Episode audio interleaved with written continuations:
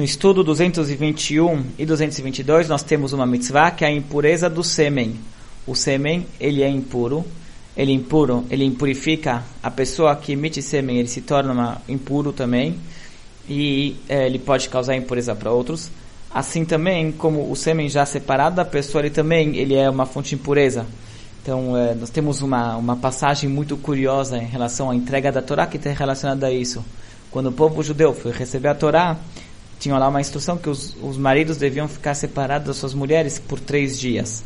A explicação para isso é o seguinte, porque se eles tivessem uma relação logo antes da entrega da Torá, nas, na, uma, uma ou duas noites antes da entrega da Torá, o que iria acontecer é que o sêmen ele pode ainda se soltar do corpo da mulher depois de alguns dias e eh, daí deixaria ela impura. Então, mesmo que eles tiveram a relação imediatamente foram para o mikve, já estão puros, mas se o corpo dela é, é, expelisse o sêmen depois de algum de um ou dois dias, daqui deixaria ela impura novamente.